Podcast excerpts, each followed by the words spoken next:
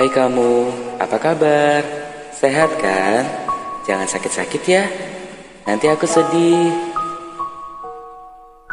Pernah nggak sih kamu ngerasain pas lagi hati ini ngerasa kosong?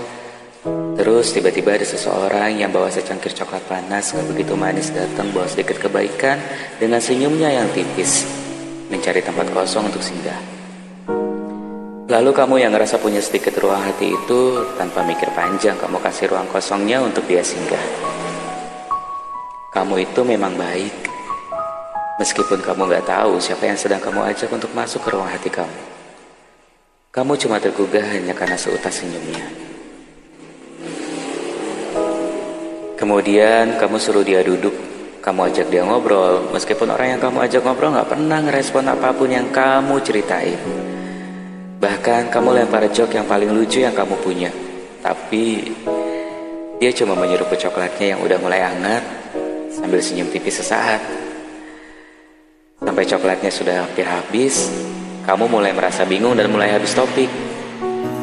Karena kamu bermonolog. Kamu sepemilik ruang hati mulai gelisah dan mulai berpikir. Ini ruang hati kamu. Kamu yang punya hak dan peraturan mutlak buat siapa-siapa aja yang pantas untuk singgah. Tapi kamu memang pemilik hati yang baik. Saat coklatnya habis, harusnya kamu bisa bilang ke dia, Hei, coklat kamu sudah habis tuh, dan sudah saatnya kamu harus pergi. Tapi si pemilik coklat tiba-tiba untuk pertama kalinya bersuara. Suara pertama yang mengisi ruang hampa hati kamu.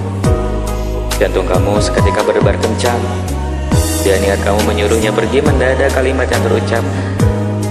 Mau nggak aku buatin coklat panas lagi?